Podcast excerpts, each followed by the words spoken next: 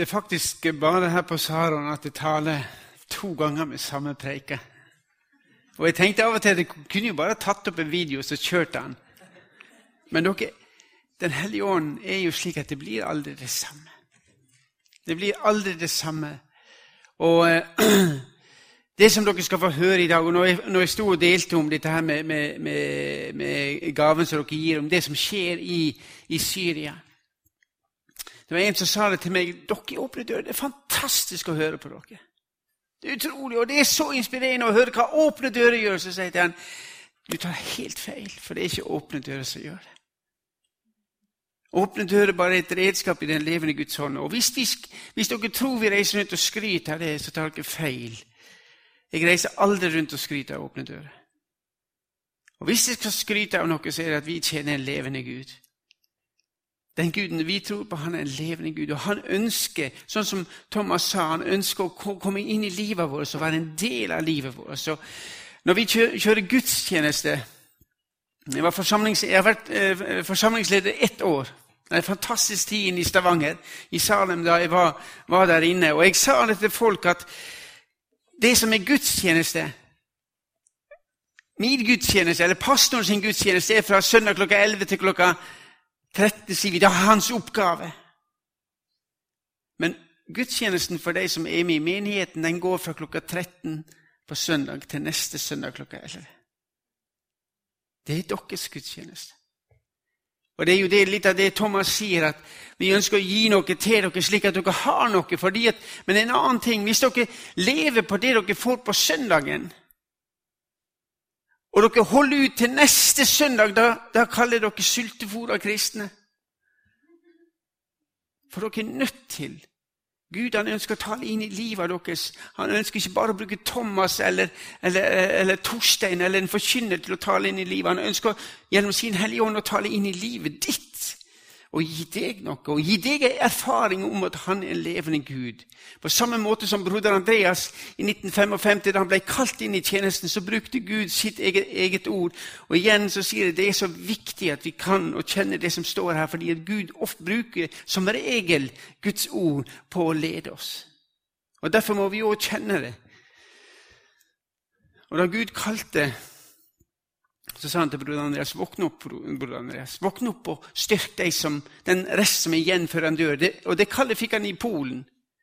Da hadde han truffet og sett at kristne mangla pastorer, det mangla bibler, det mangla undervisning. Og Gud så, og de hadde ropt til Gud. Og så kaller Gud én mann. Han hadde vært på Veksen bibelskole i England. Han opplevde at alle andre ble plassert på tradisjonelle misjonsmarker. Men det de sa til broder Andreas, de sa til han at du har så dårlig rygg at ingen kan bruke deg i misjonstjeneste. Du er egentlig så svakelig at vi kan ikke sende deg ut. Og Så opplever han det at han måtte pakke, egentlig skuffa fra sin bibelskole. Han trodde at Gud hadde kalt ham, og så går han ned for å finne en sånn boks, bokser for å pakke rommet. Der nede ligger det ei avis, og der står det en sånn plakat i denne avisa om en kommunistisk ungdomsfestival i Polen. Og Gud sier til ham du skal dit. Ja, men Gud, jeg er ikke kommunist. Du skal dit. Og Det var faktisk eneste måten å, å komme seg inn til Polen. Han meldte seg på som kommunistisk ungdomsfestival. og De kom til Nederland og så sa han, jeg tror Gud vil at jeg skal reise til Polen. Ja, vi skal betale for deg. Og Slik begynte det. En mann som i menneskelige øyne var ubrukelig fordi han var så svak. Og så plukker Gud ut, og så sier han broder Andreas, våkn opp og styrk den resten med igjen før den dør. Og i dag, 61 år etterpå, så jobber denne organisasjonen i over 60 land. Men Gud han eh, kalte broder Andreas, og så gir han et løfte. Og se, jeg har satt foran deg i åpna dør, står det i åpenbaringsboka 3,8. Men Gud han kaller ikke folk fordi de er fantastisk sterke. I siste verset i, vers 8 så står det for du har liten kraft. Ja, og I broder Andreas' i tilfelle så stemte det. Du har liten kraft, men du har holdt fast ved mitt ord og ikke fornekta mitt navn. Og Det er der hele hemmeligheten ligger. Hvis det sitter noen her og sier at jeg kan ikke gjøre det fordi jeg er så dårlig, jeg er så svak Når du er svak, så er du sterk, fordi da trenger du hjelp. Og Det ser vi òg i den forfulgte verden, at de som er såkalt svake Det er utrolig hva Gud kan bruke det til. Men dere, det kommer til å koste, og det koster noe. Og i 50 land, disse 50 landene som vi gir ut på Worldwatch-lista her Jo høyere opp du er på lista, jo verre er det. Og Nord-Korea står, på toppen der. Og så skulle en tro at kirka forsvinner i disse landene her. Men i de landene hvor forfølgelsen er, så vokser kirka. Nord-Korea, de kristne ble, måtte rømme eller ble utrydda i 1950, da Kim Jong-il tok over. Og I dag så vet vi at det er mer enn 500 000 kristne inne i Nord-Korea. Men de lever et liv der de ikke kan fortelle at de har vunnet troa. Og som jeg sa tidligere i morges, det var sammen med noen av teamet vårt To av de, han lederen vår som leder arbeidet i Nord-Korea, og ei av medarbeiderne hans. Når hun forteller om sitt liv, så sier hun eh, det er så vanskelig å lede folk til Jesus. Og så sier hun, og det er ikke det at folk ikke tro, begynner å tro på Jesus, men det er bare det at når jeg leder deg til Jesus, så vet jeg at det kan koste deg livet. Fordi det tror på Jesus. Og det er vanskelig. Det er et tungt ansvar, sa hun. Og hun lever på grensa mellom Nord-Korea, Tumenelva i nordøst, mot Kina. Og det er en offentlig hemmelighet i kinesiske områder, at de kristne i det grenseområdet tar seg av nordkoreanerne. Mange mange kommer til tro. Denne koreanske dama hun lever i det området. Hun kom i kontakt med fem av disse her, som kom inn og fikk lede alle fem til tro. Hun hadde undervisning med dem.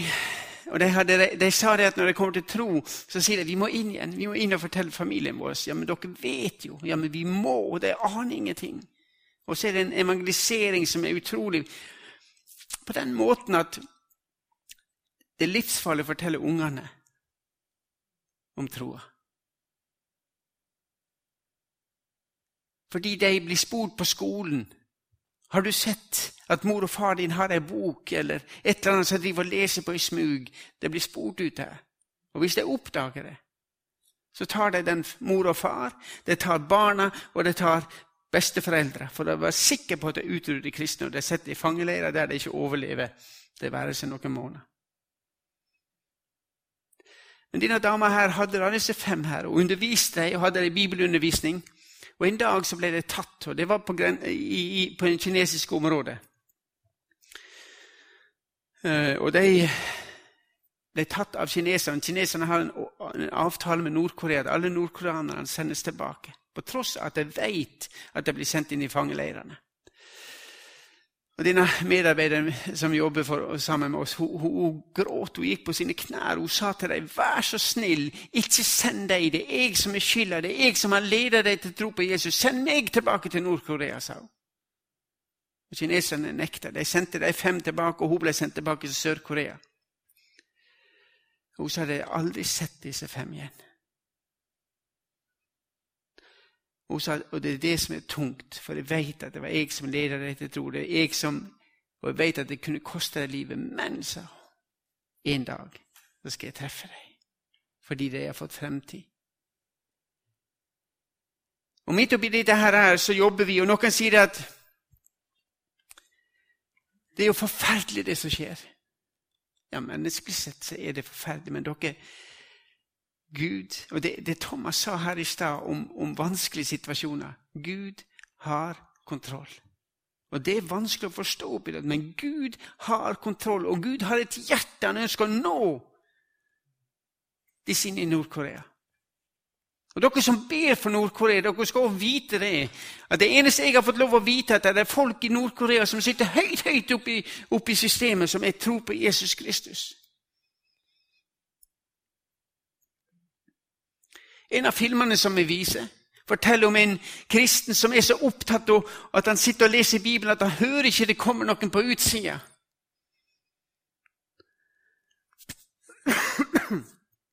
Og plutselig banker det på døra. Han får ikke tid å gjemme Bibelen. Så han bare stikker ned i puta. Inn kommer politiet. Og de mistenker han for å være en kristen, og de begynner å gjennomsøke huset for å lete etter kristen litteratur. En av politimennene, en av eh, høyeste offiseren, han går bort til stolen, han stikker hånda ned i sida der, og han som eide Bibelen, ser at han tar opp boka og stikker den i lomma. Og han er livredd. Men de finner ingenting, tydeligvis, og de går. Dagen etterpå så banker det på døra. Da kommer samme politioffiseren tilbake, alene. Han kommer inn, så drar han opp Bibelen så sier han, du må være mye mer forsiktig med dine. Det var heldig at det var jeg som fant den, for jeg er en bror av deg, sa han. Men ikke si det til noen. Sånn at Gud har kontroll, og Gud har folk langt oppe i Nord-Korea, oppe i systemet der. Og fortsett å be. Og det Nord-Korea ber om, de kristne, de sier ikke 'ta oss vekk', men de sier 'gi oss mot', og gi oss Den hellige ånd, slik at vi kan fortsette å forsyne evangeliet. Og så sier de 'vil dere be for oss'? Forfølgelse, hvordan definerer vi det i Åpne dører? Forfølgelse er enhver fiendtlig handling av en persons identifikasjon med Jesus Kristus. Og identifisere seg med Jesus. Og slippe Jesus til i livet sitt, og la han få lov å leve sitt liv i vårt liv. Og Det kan være fiendtlige holdninger, ord eller handlinger mot kristne. Dette er det vi forteller og sier. Det er forfølgelse. En definisjon av forfølgelse. Men jeg var i Vietnam og så snakka med en ung mann på deres alder. Så spurte han, og jeg visste at han jobba i undergrunnskirka. Jeg visste han hadde problemer. Så sa jeg, eh, 'Er du forfulgt?' Nei, han var ikke forfulgt. Og jeg ble litt sånn forundra. Eh, og så sier jeg, 'Men du har jo problem.' Ja, men, men jeg er ikke forfulgt. Så sier jeg, ja, men eh, hva, hva, Hvem er forfulgt her i landet, da, sa han, sier jeg til han. Så sier han, jeg kan ikke kalle meg forfulgt før jeg har vært i fengsel for Jesus. Det var hans definisjon på forfølgelse. Da kan jeg si at jeg er forfulgt. Men før det har jeg bare litt problem. Diskriminering, sa han. Og det er jo etter Bibelen. Det er jo bibelsk, sa han. At vi har litt problem. Hvis du ønsker å leve et gudfryktig liv i Kristus Jesus, så står det i 1. Timoteus 3,12 da skal du bli forfulgt. Du, du skal bli forfulgt. Og det at vi ikke opplever det i Norge Det er ikke det at Bibelen ikke er sann, men jeg tror at tør vi å legge Bibelen frem som en totalt absolutt for oss Hvis vi gjør det, så blir vi kalt fundamentalister. Og så blir vi sammenligna med disse muslimske fundamentalistene. Og vi er veldig forsiktige med å si at dette, dette vil vi bygge livet vårt på.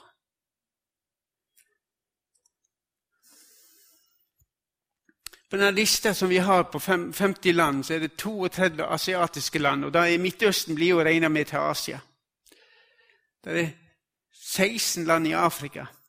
Afrika er jo blitt det kontinentet der, der forfølgelsen vokser mest. I fjor, i 2015, så var det 4000 eh, mennesker som mista livet pga. troa på Jesus, som åpner dører, som vi kunne dokumentere. Vi har et team på tre stykker som leter overalt for å dokumentere og finne ut hvor mange egentlig blir drept fordi de tror på Jesus. Og da snakker ikke om i Syria i krig. Om du er i krig i Syria og du blir drept, så behøver du ikke være martyr. Om det er en krigshandling. Men Åpne dører fant ut at i, i, i 2015 så var det 4000, jeg tror det er 472 mennesker som ble drept. Og halvparten av dem ble drept i Nigeria. Og i Nigeria bare i 2016, fra, fra, fra, januar til nå, så er det over 4000 mennesker som er drept bare i Nigeria. Nigeria er det landet i, i verden der flest kristne drepes. Men vi aner ikke hvor mange det er i, i Nord-Korea, for der har vi ikke tall. Så Afrika er det kontinentet der forfølgelsen vokser. Og Jeg pleier også å si at hvis dere vil, vil be for eh, eh, Afrika hvis dere, Når dere hører på nyhetene på Afrika, så ser dere at tallet nummer syv her, som er Somalia, og over til eh, på hjørnet her Nigeria 90% av alle landene dere hører om der, vil ligge på den linja der i nyhetene. Da det er uroligheter, fordi at i dag så er nord for Sahara så er det islam, og sør for Sahara så er det kristent. Så i dag så har det en åndskamp som står midt i Afrika. Kristne ønsker å få en kjærlighetens tsunami som går nordover. Og islam ønsker å få en islamsk tsunami som går sørover.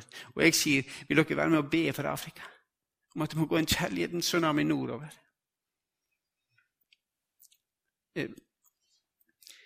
I Nord-Afrika så har det vært et kristent kontinent. Og jeg tror vi kan vinne det tilbake på kne for Jesus.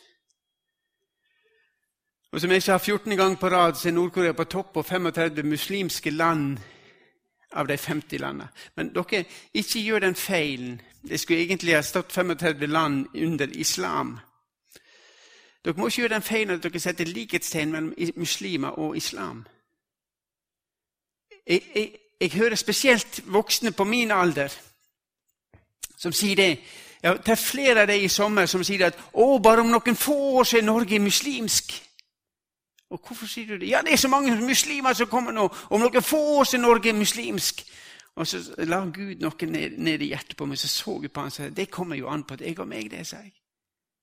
Ja, hvordan det, du, Vi har fått noen muslimer til Norge, og hvis vi har en mulighet til å gå og møte dem med evangeliet og alle de muslimene som kommer hit, de kommer fordi de ønsker det du og jeg har.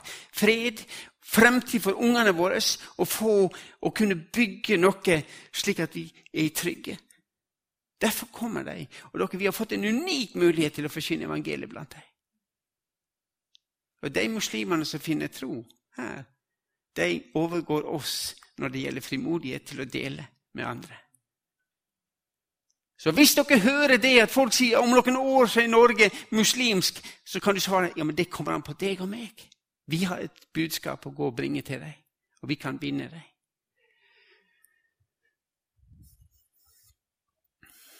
Og det andre året at forfølgelsen vokser på alle kontinenter. Og jeg tror, jeg tror det kommer til å vokse, for hvis du leser eh, åpenbaringsboka, så ser du at det blir ikke mindre men det kommer til å bli verre. Og Jesus sier at når det skjer, så ikke bli redd, for jeg har jo fortalt dere det. Jeg skal vise dere en kort film om, om, eh, fra Syria som vi kaller Hope. Eh, jeg syns det er en kunstner fra, fra Syria som, som, har fått et spørsmål og, og, og laga et bilde. Se hva hun sier om det.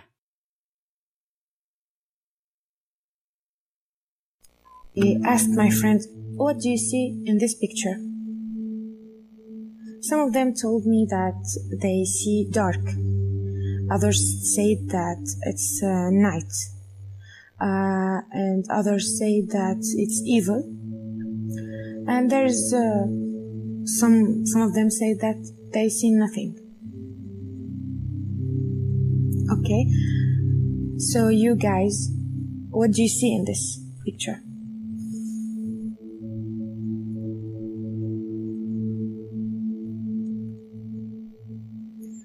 Actually, this is a situation that we put ourselves into when we have a problem or anything bad happen to us. We put ourselves in this situation, in this black situation.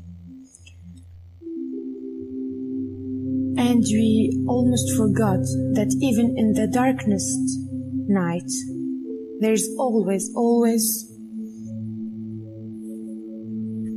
a moon and a little stars. I know it's too little, but it's actually source of light, source of hope and we have to follow them. No matter how the night was dark, no matter how the problem was big, there's always source for light and we have to just look to them.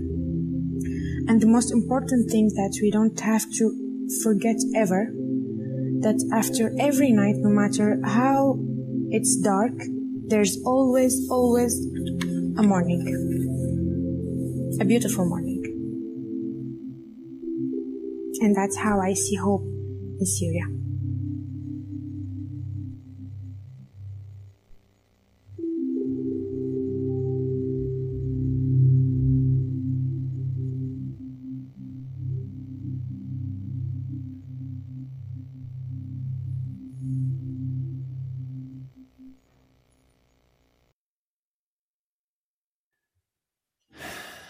Satan han har aldri klart å ødelegge kirka fra utsida.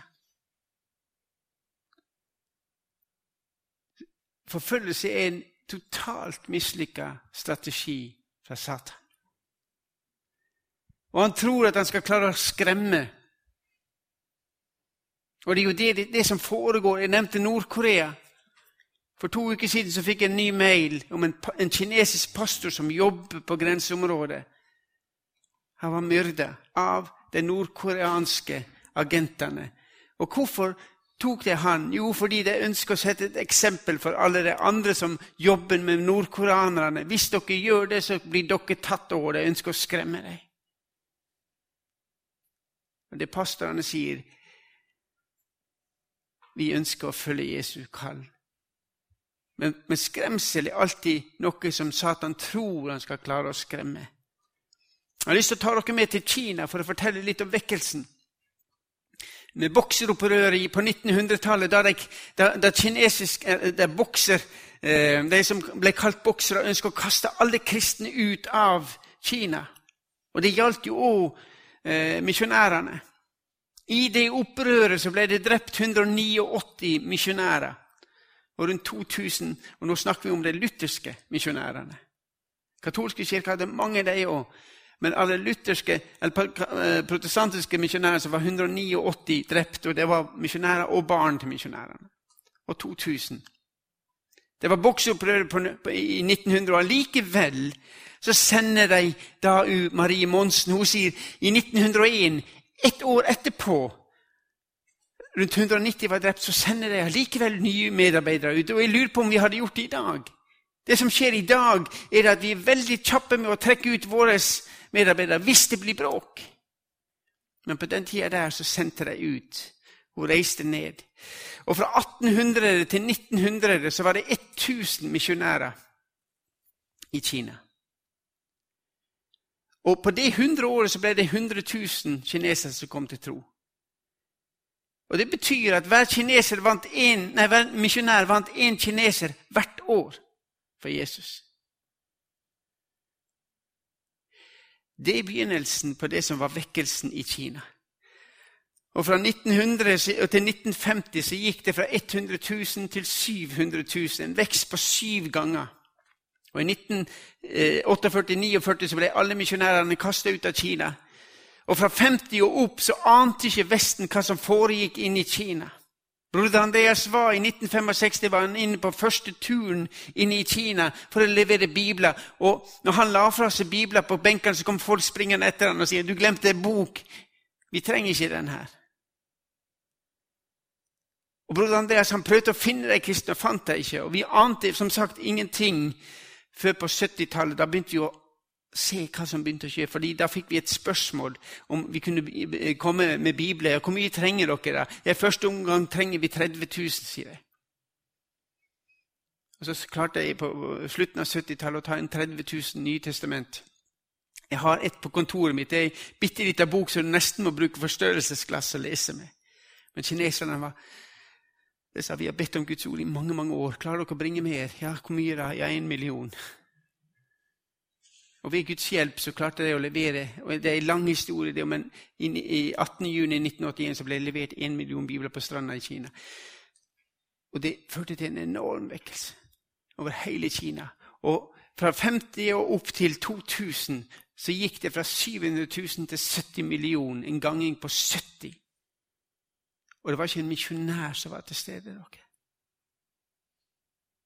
Men det var planta et frø og Gud var det. Og Gud hadde sitt folk der inne. Og når Gud handler, så er det ingen som kan hindre det. Og Det de sa kineserne som var satt i fengsel, de hadde, Guds, de hadde ikke Bibelen, men de, de hadde gjemt det i, Guds, i sitt hjerte. Wang Mingdao hadde lært mye utenat. Han sa det at 'de har tatt fra meg alt, men det jeg hadde i hjertet, kunne ingen ta fra meg'.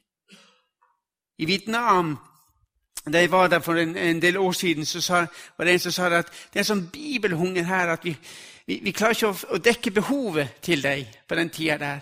Ja, hva gjør dere da? Jo, hvis folk kommer og vil ha et Nytestament, så må de skrive seg på lista. Men for å komme på lista så må de lære Salme 119 utenat. Og han sa at, og det gikk ikke lang tid. Jeg fikk et ark kopiert opp, og det gikk ikke lang tid, så kommer det tilbake. Jeg vil ha en bibel, og så siterte jeg hele Salme 119. 176 vers. Og jeg må ærlig talt innrømme jeg begynt, jeg begynte å lære Salme 119 uten at jeg har ikke, jeg, jeg har ikke klart det. Men de gjorde det fordi jeg ønska å ha en bibel. Og jeg tror, jeg tror Der hemmeligheten ligger, den kjærligheten til Guds ord, og Guds ord som får lov å forvandle. Når jeg skulle tale her, så Jeg så på hva jeg hadde snakka med dere sist gang. Sist gang så snakka jeg noe om, om, hvordan vi reagerer når vi ser på det som skjer i verden. Og Det ble lagt veldig på, på, på hjertet mitt om å tale om Peters brev. Og Hvis dere ser på Peters brev, første brevet det snakker om forfølgelsen fra utsida, mens andre, andre Peters brev snakker om Satans angrep fra innsiden av menigheten, altså forførelse. Og det er mye mer vellykka enn forfølgelsen. Jeg, jeg driver og hører på, på ei bok av eh, Philip Jansi for tida, hva, 'Hva skal vi med Gud?' Og Han reiste inn i Kina, og, og, og det er David Aikman som har skrevet i boka uh, 'Jesus in Beijing'. En var noen prester som var på reise inn i, eller pastorer som var på reise inn i Kina. og han, De treffer på denne karen her som har et foredrag på et universitet. Han var med i en gruppe som hadde fått beskjed av myndighetene i Kina å finne ut hvorfor Vesten er så mye mer vellykka enn oss i den kommunistiske verden. Og denne karen her, han sa det at han var med i den eh, komiteen som skulle finne svaret på det. Hvorfor er det slik? Og Han sa at vi leita overalt. Vi leita i det politiske systemet. Vi så om, her, om det var pga. det militære systemet. Men vi fant ingen svar, sa han. Og Dette her var på begynnelsen av 80-tallet. jeg fikk vite dette her. Og så sa han, Men nå har vi funnet svaret. Og, og, og husk på at det, det er kommunistiske ateister som har funnet svaret. Og så pastorene satt ja, Hva er svaret? Jo, sa de. Dere i Vesten har bygd samfunnet rundt i, i, Vesten på de kristne verdiene som vi finner i Guds ord. Derfor er dere så vellykka.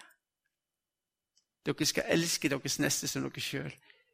Det er grunnen til at dere er så vellykka. Og når vi ser i dag på hva som skjer i Vesten, så sier EU når de skal lage en ny EU-lov Vi skal ha en ny EU-lov, og det skal være blåst for kristendom. Istedenfor å erkjenne at kristendommen har vært, den boka her har vært med å lagt grunnlaget for det vi opplever i den frie verden. Så nå skal de kvitte seg med det. Og forførelsen, den er farligere enn forfølgelsen. Og dere, vi lever i en del av verden der vi tror at de forfulgte trenger vår hjelp. Ja, de trenger vår forbønn, de trenger vår at vi støtter dem. Men aldri før har du og jeg trengt deres vitnesbyrd, slik som nå. Fordi det er de som har et vekkerrop til oss. Våkne opp, folkens! Våkne opp! Og Jeg tror jeg har sagt det her før. Jeg traff en kineser som sa det at dere kristne i Vesten dere må slutte å være så flaue av Jesus. Og han har så rett. Og Jeg synes det er fantastisk når jeg ser folk som er så frimodige, og de, og de viser troa si. Midt inn i vanskelige ting. Og jeg, jeg var nettopp oppi Jeg ble kalt inn til en familie som har en gutt. 16 år gammel så fikk han prostatakreft. Det er nesten utrolig. Legene sier dette skal aldri skje. Nå er han 17 år. og det, kreften har slått ut. Og, og, han har så stor svull i magen at det ser ut som han er gravid. Og så ble, jeg fikk en telefon, og så sier de, Ole, kan du komme opp? Kan du komme opp og be for ham? Så reiste jeg opp, og jeg tok med salveflaska. og Så hun snakka med denne gutten på 16 år, og så sier han, eller 17 år, og så sier jeg, 'Hvordan er det med deg?' 'Jeg har så vondt, Ole', sa og så, og så, så sier jeg, kan, 'Kan jeg få lov å be? For, kan jeg få lov å salve deg og be for deg?' 'Ja, vær så snill å gjøre det', sa jeg. Så fikk jeg salve og bedt for han, og, og jeg fikk også salve foreldre, for de trenger det. Og Så ble jeg sittende og snakke med foreldre etterpå, så sier, så sier foreldre Gud har glemt oss. Så sier jeg til dem, hvordan kan dere si det?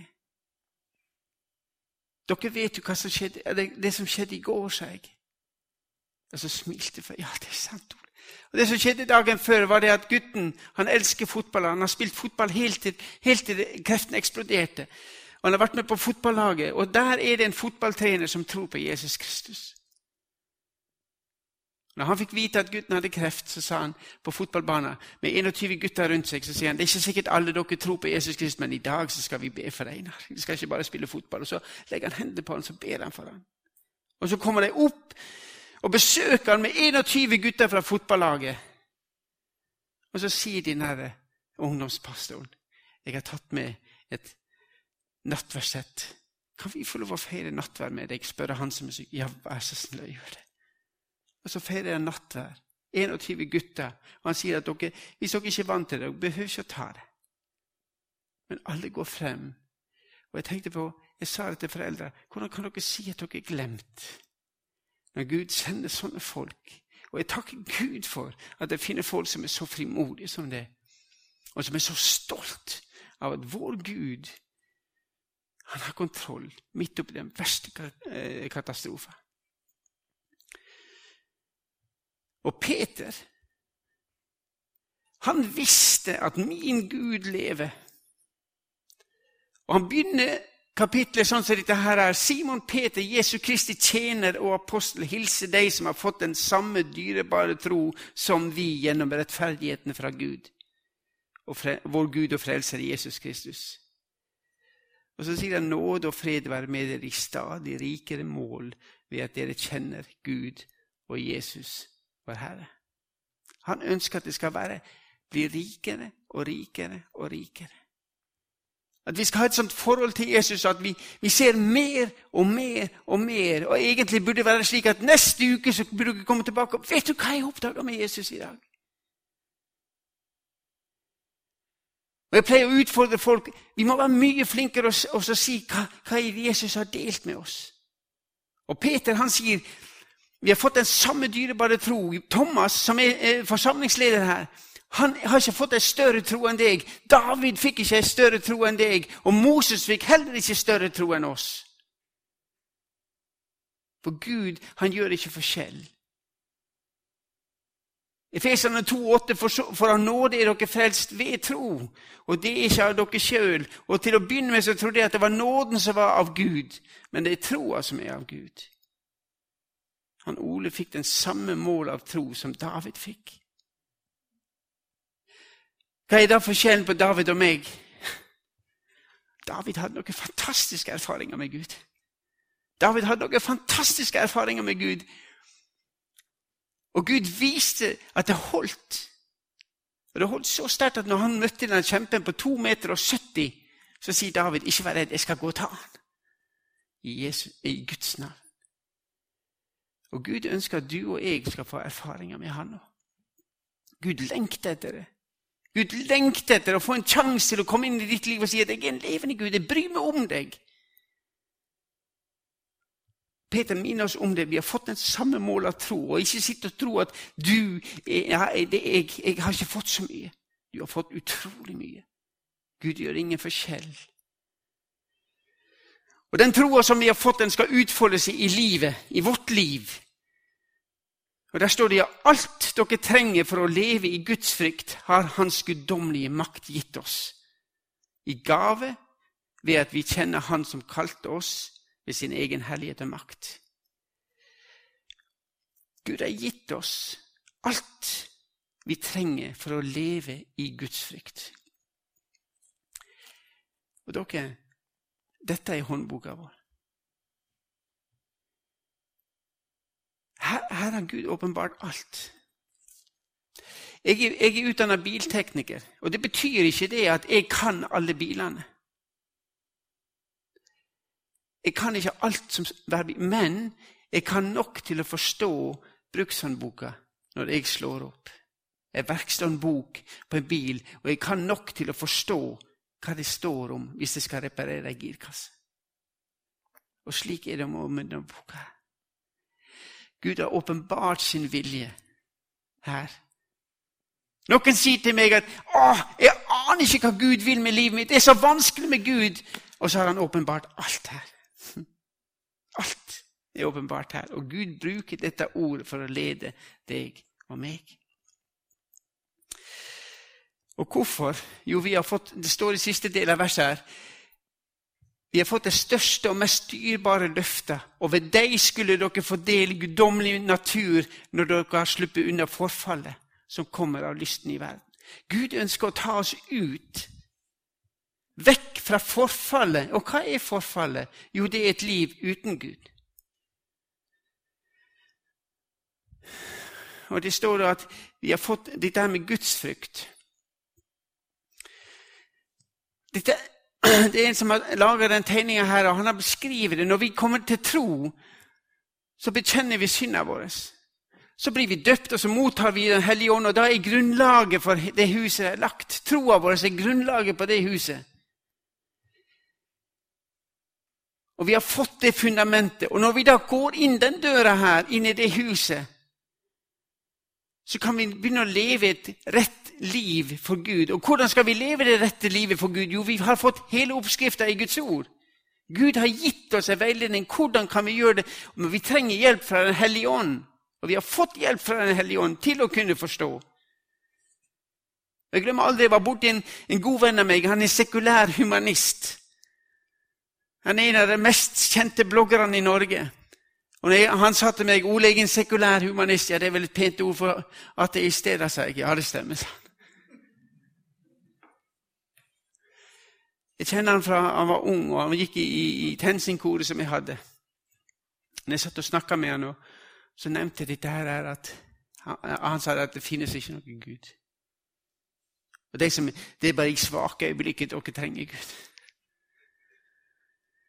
Men så sier jeg til han vi har fått Den hellige ånd, sier jeg. denne karen her er så glup at når han leser Einsteins relativitetsteori, så forstår han den. Jeg har ikke peiling. Og jeg sa det til du går med en høy gang intellektuelt, jeg. Men når det gjelder Guds ord, så kan ikke du lese Guds ord som en historiebok, sånn som du tror. Du må ha Den hellige ånd. Og da vil Gud åpenbare det for deg, sier. Så ser han på meg, og så sier han, Ole, jeg er livredd sånn som deg. Hvorfor hvorfor det, da, jeg. For du tror det du leser, sa han. Og når han sa det, så tenkte jeg Takk, Gud, at jeg, at jeg får lov å tro på det du, det du, har gitt oss. At jeg tror at gjennom det å lese Guds ord, så vil det føre til rett liv. Men vi skaffer oss innsikt gjennom Guds ord. Og da vil det, disse fruktene komme inn, at jeg vil oppleve at jeg ser ting i mitt liv som jeg må forandre. Eller jeg, det er ikke jeg som må forandre, men Den hellige ånd og Guds ord skaper forvandling. Og det fantastiske er når du begynner med det som du begynte med Efeserne her, så står det om kjærligheten.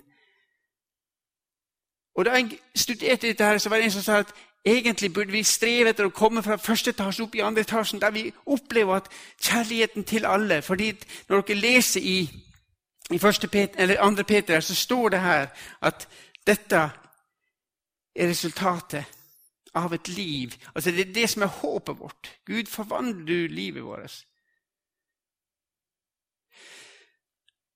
Og når kjærligheten til alle er der, så kan vi gå gjennom alle, andre, alle problem.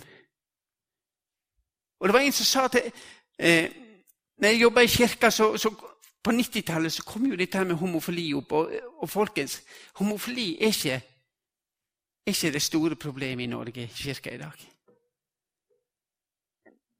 Det store spørsmålet er ikke om homofili. Det store spørsmålet er hva er Guds ord for oss? Er Guds ord en absolutt? For Guds ord har, han er klinkende klar. Det var noen ungdommer som kom til pastor og sa de, ja, dette med homofili, er det så er det så, så hardt som det sier? Han sier jeg leser begynnelsen på romerbrevet. Og disse Ungdommene slo opp romerbrevet, og de las, og så sier de Kjære deg, er det så tydelig? Og vet du, det er jo det, som, det er mye enklere å følge Guds ord enn å begynne å vri og vende på det. Men igjen Det å kunne være kjærlighet til alle, det trenger vi Guds hjelp på. Det er bare Guds gjerning i vårt liv. Og så er det, dere ser det en balkong, og så er det en pil opp til herligheten. Opp til glory. Faren min han døde nå 8. juli. Og jeg snakka med pappa før han døde. og Da fortalte jeg den historien fra, fra en, en, på Tonstad. som jeg, når jeg bodde der og jobbet i kirka, så gikk på gamleheimen og snakka med en der. og Så sa jeg 'Hvordan går det med deg?' sa jeg. Så ser den gamle mannen, en gammel, god kristen mann. Han så på så smilte han. 'Ole, det går til himmels!' Og jeg syns det er fantastisk. Dere, hvor det går med dere? Jo, det går til himmels. Vi skal til himmelen. Og jeg syns det er fantastisk. En enkel mann, men han sa 'Ole, det går til himmels'. Han var ikke en stor forkynner, men én ting visste han. Jeg skal hjem. Og hvis vi skal hjem, folkens, da må ikke vi bare komme inn her i denne etasjen her. Og ikke la Guds ord få lov å begynne å virke i livet vårt. For det som skjer da, er at vi vil fortsette ut og vil gå ut bakdøra. Og her kommer da vranglære. Det, det er det andre kapitlet snakker om. Men jeg kommer ikke til å snakke om vranglære. For vi er så flinke i dag. Vi elsker å få fasitsvar. Er det vranglære? Er det vranglære? Er Han driver han med vranglære? Dere, Hvis de holder oss til Guds ord, så vil de avsløre vranglære med en gang det kommer. Og det store spørsmålet i dag er nettopp det som han sier, lederen for Ungdom i oppdrag. Er Guds ord, Hva er Guds ord for oss i dag? Guds frykt er på det øverste, nest øverste der, og det står i 2. Timotus 3,12.: Alle som vil leve et gudfryktig liv i Kristus Jesus, kommer til å møte forfølgelse. Skal bli forfulgt, står det. Vi kommer til å få problem. Og jeg sa det at eh, Tidligere i dag så sa jeg at egentlig, vi som er kristne, vi hører ikke hjemme på denne jorda her. I utgangspunktet så, så hørte, vi, eh, hørte, vi, hjemme. En som sa det er helt sant dette, Ola, at vi ikke hører hjemme. For Gud skapte jo jorda slik at vi skulle bo her. Ja, men så kom syndefallet. Og så kom denne, og så ble han som ønsket å ta Guds plass, Satan, ble kasta ned på jorda sammen med sine engler. Og i dag så står det at han er denne verdens fyrste. Så du og jeg, vi lever i, i, i et mørke. Men det mørket som vi lever i, der finnes ett lys. Og det er Guds ord. Og jeg, jeg, jeg tror aldri kommer til å, å, komme forbi Jesajas. Det er nesten slik at jeg bruker det på hvert eneste møte tale. Jesajas 55, 10 og 13. Dere kan lese det når dere kommer hjem. Men jeg har lyst til å si det, det altså, Guds ord vender ikke tomt tilbake til Gud før det har fullført det han vil gjøre. Og Hvis det er noe i livet mitt eller ditt som må forandres, da får Gud forandre det. Da får Gud ta vekk Istedenfor tonekratt så, får han lov, så skal det vokse opp suppresser, og istedenfor nesle skal det komme myrt. Men det må Gud, og det må, den, det må Guds ord få lov å få danne i oss. Det vi må gjøre, det er å velge Jesus, og så får han handle videre i livet vårt. Men igjen så er det Guds ord som kan danne oss og forme oss. 1. Peter 1 og vers 19-21 så skriver Peter derfor står også profetordet så mye fastere for oss. Hvorfor det? Jo, fordi Peter og, og, og ja, Johannes og Andreas hadde møtt Jesus oppe på fjellet da han ble, da han ble forklart. Og Det er en utrolig artig historie å lese, for det sier at det var Elia og Moses De kjente det, visste at det var Elias og Moses. Og jeg tror når jeg kommer til himmelen, og når dere kommer til himmelen, så skal vi vite at oh, der går David, der går Moses. Vi skal vite hvem det er, for de visste hvem det var. Og da hører jeg Peter han sier at 'dette er min sønn'. Han hører den stemmen. Gud sier til ham at 'dette er min sønn'. Hør på ham. Og Peter han visste det. Dette, dette var Gud som talte til oss. Og dette ordet gjør dere rett i å holde fast på. Det er en lampe som lyser på et mørkt sted.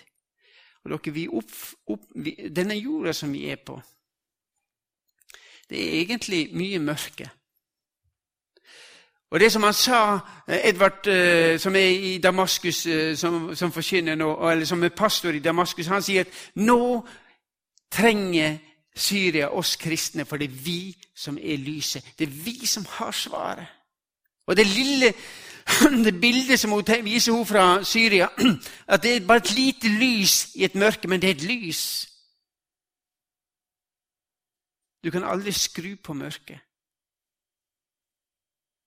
for du må ta vekk lyset. Og Hvis det blir mørke i vårt liv, så er det ikke fordi at noen har skrudd det på, men det er fordi vi har tatt vekk lyset. Og Guds ord er det lys i vårt liv. Og Gud, han møter oss. Og Gud ønsker å tale gjennom sitt ord. Dere skal ha sett den Bibelen jeg, har ikke den her, men den Bibelen jeg hadde da kona mi var syk i fire måneder. Hun fikk vite kreften 7. Juni, juli, og så døde hun 9. oktober. Den Bibelen der er full av sånne lapper der Gud talte til oss. Og Jeg tar den Bibelen frem i dag og så bare blar igjennom, så finner jeg det. Og så husker jeg den, det Gud møtte oss med. Og jeg sa en gang til Gud Det hadde holdt på å gå galt med Berit. Og Legene sa at hvis, eller hvis du blir dårlig i natt, så legger vi ikke på respirator. Den natta sier jeg til Gud Gud, vi jobber i en misjon der vi hører så ofte at du møter ditt folk. La oss få lov å se deg. Vi har sett deg gjennom ditt ord, men Gud, la oss få lov å se deg. Og Den natta våkna Berit klokka halv fem, eller halv fire. Og Så ropte på sykesøster, og så stelte vi Berit. Jeg lå på samme rom som hun hele tida mens hun var syk.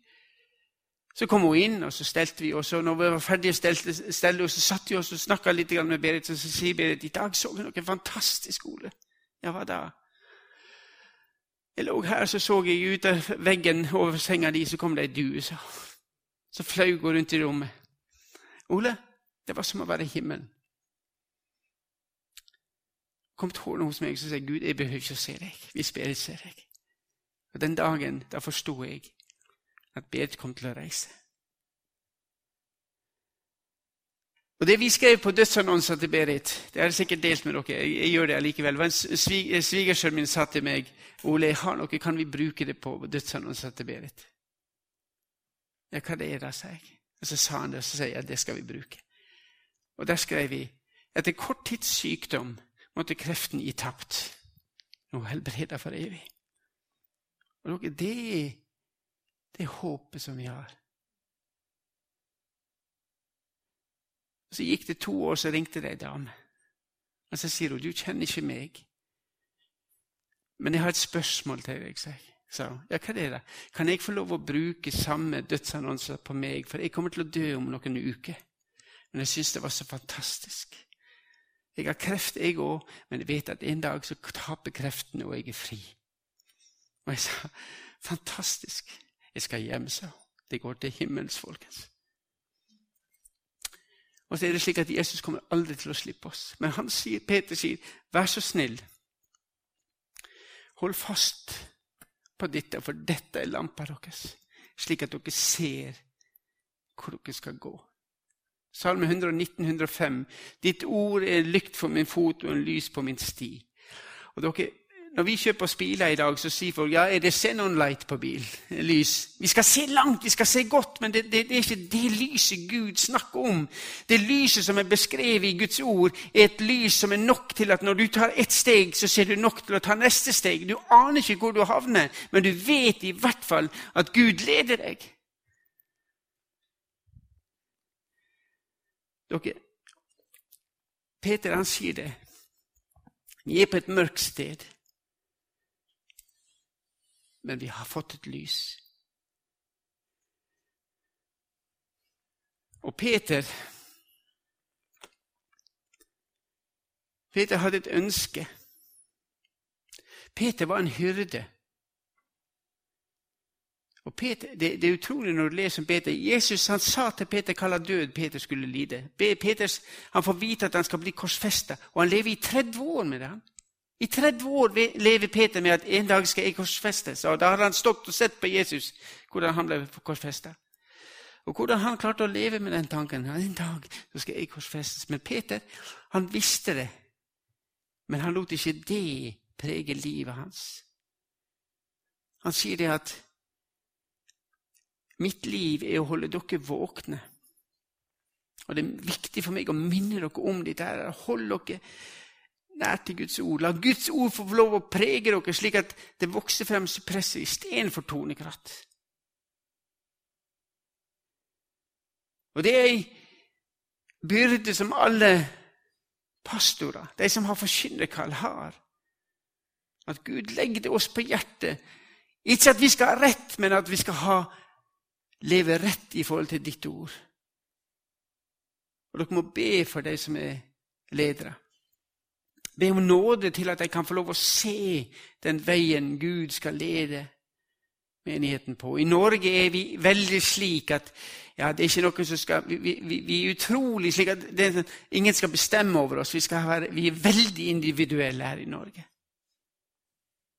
Og Det kan skade oss i enkelte sammenhenger. Men Gud har innsatt mennesker til å være ledere og pastorer og hyrder. Og så har Gud utrustet. Og jeg tror vi må be for de som har fått den gava. Be om at Gud må gi deg den innsikt. Og vi må be om at menigheten må leve i lyset med sitt liv. Og da blir det mer Jesus og mindre meg. Mer Jesus og mindre meg. Og dere, når jeg sier det, så vet jeg at da kan vi klare å komme oss opp i det øverste rommet. Kjærlighet til alle. Fordi Jesus Det er han som får lov å prege livet av oss. Og Jeg har lyst til å avslutte med, med det kallet som vi har som kristne. Det er ikke misjonsbefalinger, men det er sånn som jeg opplever første kor 1.9. Gud er trofast, han som kaller dere til fellesskap med sin sønn Jesus Kristus. Det er vårt kall. Og så blir misjons, misjonsarbeid, eller det vi gjør for Jesus, det blir en frukt av fellesskap. Dere, jeg er vintreet, dere er greinene, sier Jesus. Ei grein som sitter på vinranken, bærer mye frukt. Og uten meg kan dere ikke gjøre noen ting. David Paasen, som en jeg hører mye på, han fortalte det en gang at, at hvis du tar ei, ei, ei grein fra en vinrank og skjærer henne av, og stikker ned i jord, så vil den slå rot og, og bære grønne blad. Men den, den, den, greina kommer aldri til å bære frukt. Hvis den skal bære frukt, så må du pore den tilbake på ranken, og så begynner den å bære frukt. Og når han sa det, så tenkte jeg det er jo litt av det Jesus sier. Uten meg, altså uten at dere er på, på, på, på vintreet, så bærer dere ikke frukt. Men i meg så kan dere bære mye frukt. Og så sier han, og hvis dere blir i meg, og mine ord blir i dere, så be om hva dere vil, og dere skal få det. Det er et utrolig løfte i Johannes 15, 7. Hvis dere blir i meg, og mine ord blir i dere, så be om hva dere vil, og dere skal få det. Hvordan tør Jesus å si det? Hva vil vi ikke begynne å be om? En BMW? Et fint hus? En, en jobb der vi tjener mye penger? Men Jesus han, han, han sier noe annet. Han sier hvis dere blir i meg, og mine ord blir i dere, så be om hva dere vil, for da vet Jesus at vi vil ikke begynne å be om det vi vil ha, men, vi vil begynne å be slik som Jesus gjorde. Vi vil begynne å høre som Jesus gjorde. Vi vil begynne å handle som Jesus gjorde. For når du er sammen med Jesus, så slutter du å tenke på deg sjøl. Se på Peter når han var på fjellet. Så sier Peter det står, Han aner ikke hva han skulle si, han visste ikke hva han skulle, men så sier Peter, Peter Jesus, la meg få lov å bygge tre hytter. Ei til deg, ei til Elias, ei til Moses. Han tenker ikke på seg sjøl. Har dere tenkt det? For Jesus han var i nærheten av Peter. Når han var sammen med Jesus, så tenkte ikke han på seg sjøl. Da tenkte han på, bare på det andre behovet. Derfor sier Jesus, bli i meg, og mine ord blir det dere, så kan dere be om hva dere vil, fordi dere vil begynne å handle som meg. Jeg takker og priser deg, Herre Far, for at ditt ord er sannhet. Og Jeg takker og priser deg, Far, for at vi kan få lov å komme frem for deg og be om tilgivelse. Tilgivelse at vi er så seine med å komme frem for deg, Gud. Og Jeg takker deg for det uendelige løftet som du har gitt, som Peter minner oss om. Dere har fått så mange løfter. Og Gud har sagt jeg vil aldri slippe dere. Og jeg ber for meg sjøl, jeg ber for oss alle som sitter her, Jesus. La det få lov å være slik at vi kan få lov å at det kan bli sagt i livet vårt at vi, et, vi hadde et rett liv. Vi hadde innsikt, vi hadde gudsfrykt. Vi hadde kjærlighet. Ikke fordi vi tok oss sammen, men fordi du fikk lov å leve ditt liv i vårt liv. Og vi takker deg, Jesus, at du er lyset i mørket. Og Du er den som lyser opp. Når vi opplever mørke og vanskelige ting, så kan du komme inn og sette lys på ting. Og Vi takker deg, far, for ditt ord, at du har gitt oss det. Og Jeg ber, far, vil du si nåde til oss, at vi bruker mer tid innenfor deg og lar deg tale inn i livet vårt. Takk for din nåde. Takk for din kjærlighet. Og tusen takk for din tålmodighet. Amen.